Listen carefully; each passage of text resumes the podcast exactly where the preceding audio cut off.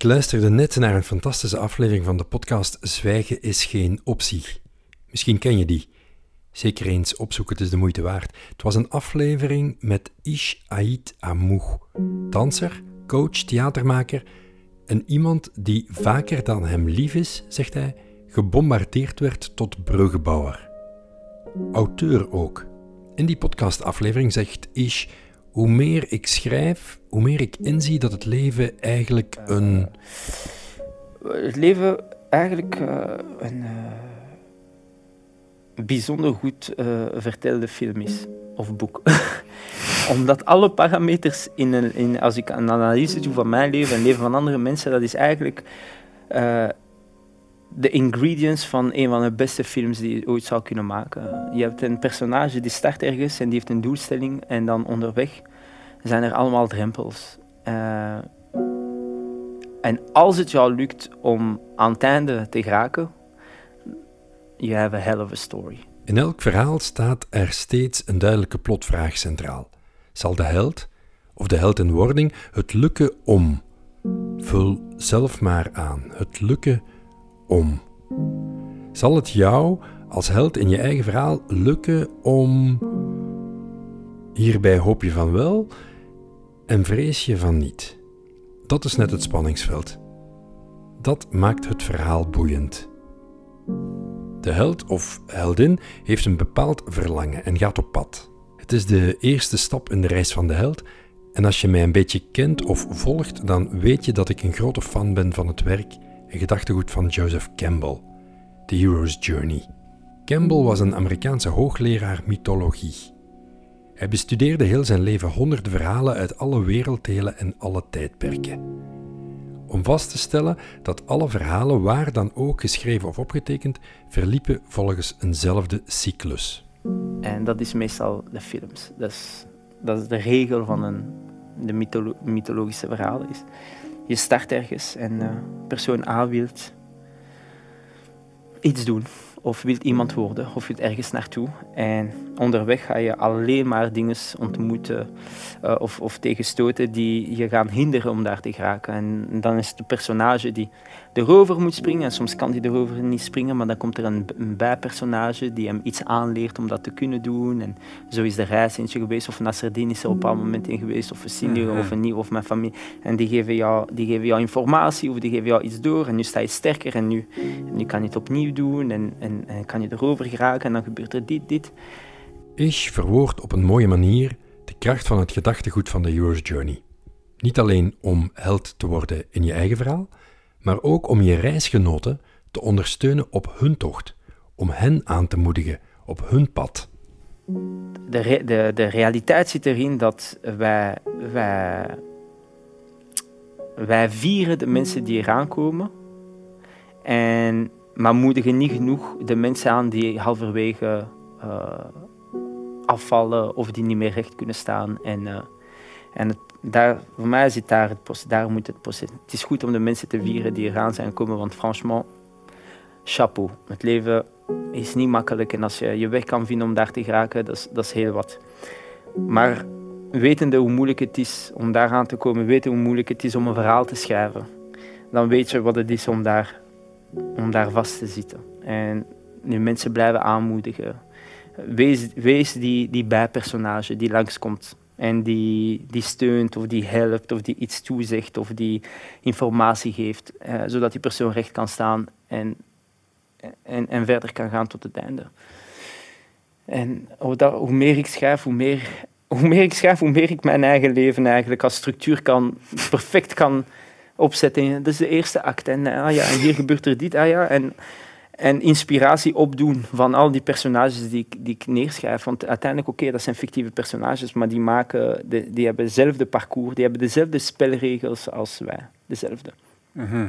Iedereen staat uh, wak, s'morgens wakker en in een situatie en die ziet een hoopvolle einde van zijn dag. Die ziet ergens, uh, die, die, die, die hoopt dat het einde van de dag er op een bepaalde manier zal uitzien. En nu gaat hij die keuzes proberen te maken om daar te geraken. En sommigen uh, lukt het en anderen gaan, uh, hebben de moed niet, gaan er niet meer in geloven na een eerste slechte beweging. En, en dan de vraag is, ja, hoe moedig je al, die mensen altijd aan om, om te gaan. En om, als ik vandaag een bruggenbouwer zou willen zijn, dan is het meer om een brug te bouwen tussen over al die drempels voor hen. Zodat ze hopelijk op hun hoopvolle einde kunnen geraken dat ze willen. Eerder dan bruggen bouwen tussen werelden. Uh, Want je kan geen brug bouwen over een wereld. Ik geloof niet dat, zeker op lange termijn, dat dat mijn missie is. Ik denk als ik iets zou willen teweegbrengen in een, in een maatschappelijk debat en zo, dan zal, dat, dan zal dat via verhalen zijn. Ik geloof dat dat veel meer impact zal hebben dan mezelf zien op de zevende dag en praten over waarom dat we nog altijd niet in staat zijn om iemand met een hoofddoek te laten rondlopen in een uh, achterloket of, uh, of, in, een, in een bepaalde school. Of, uh, maakt niet uit welke situatie het is en waarover dat we, dat we het hebben en oneens zijn. Ja, verhalen. Ik denk dat fictie daar. daar something. Als je een goede film kijkt, als je een goed, een goed mhm. boek leest, dat je op het einde eventjes. dat er een stilte volgt daarna. Nee, eventjes.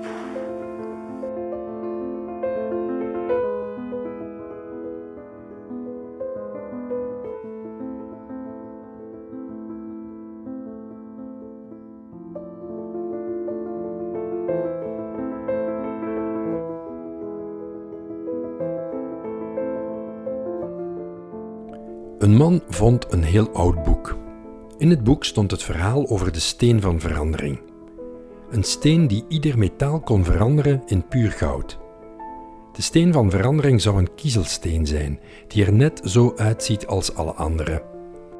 Het geheim was dat deze steen warm aanvoelt.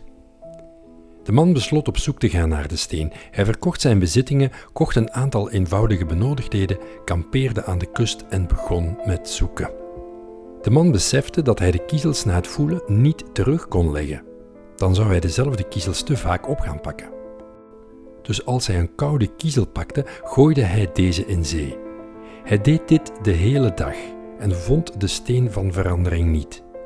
Maar hij ging door. Dagen werden weken en weken werden maanden. Op een dag pakte hij een steentje en deze was warm. De man gooide voordat hij zich realiseerde deze steen van verandering in de zee. Hij had zo'n sterke gewoonte gecreëerd om iedere kiezel in zee te gooien, dat hij de gouden kans die voorbij kwam niet meer zag.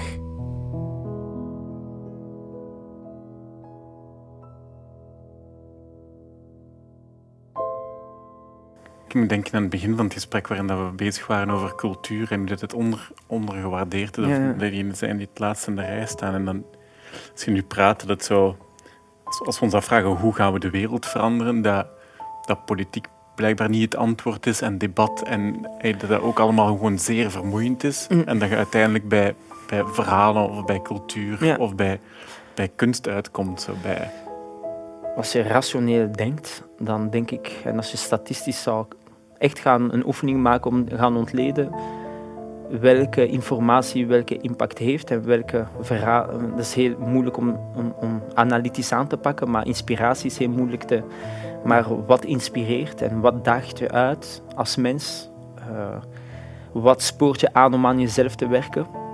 Uh, wat, wat, wat spoort je aan om naar jezelf te wijzen? Het zijn verhalen die dat, die dat kunnen doen. En uiteindelijk hoef je de wereld ook niet te veranderen. Een, een gezonde relatie hebben met jezelf en de paar mensen in je omgeving. Als, je, als dat jou al lukt in jouw leven, chapeau.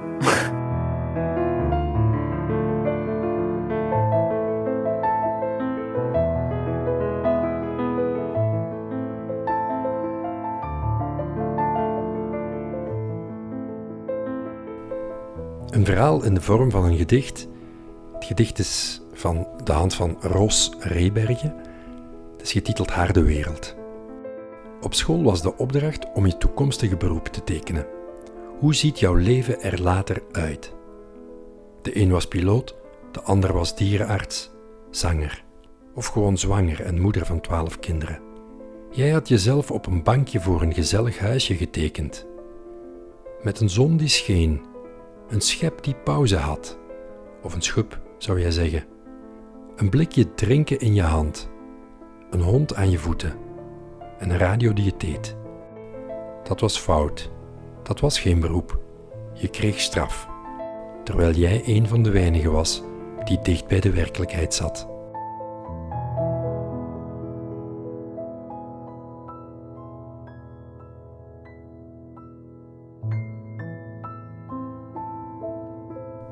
Je luisterde naar een aflevering van de Story Club podcast. Al meer dan vier jaar een verzamelplaats van authentieke verhalen, verteld door echte mensen. Als je meer wil weten over mij, dan ga je naar rafstevens.com. Bedankt voor het luisteren en graag tot een volgende keer.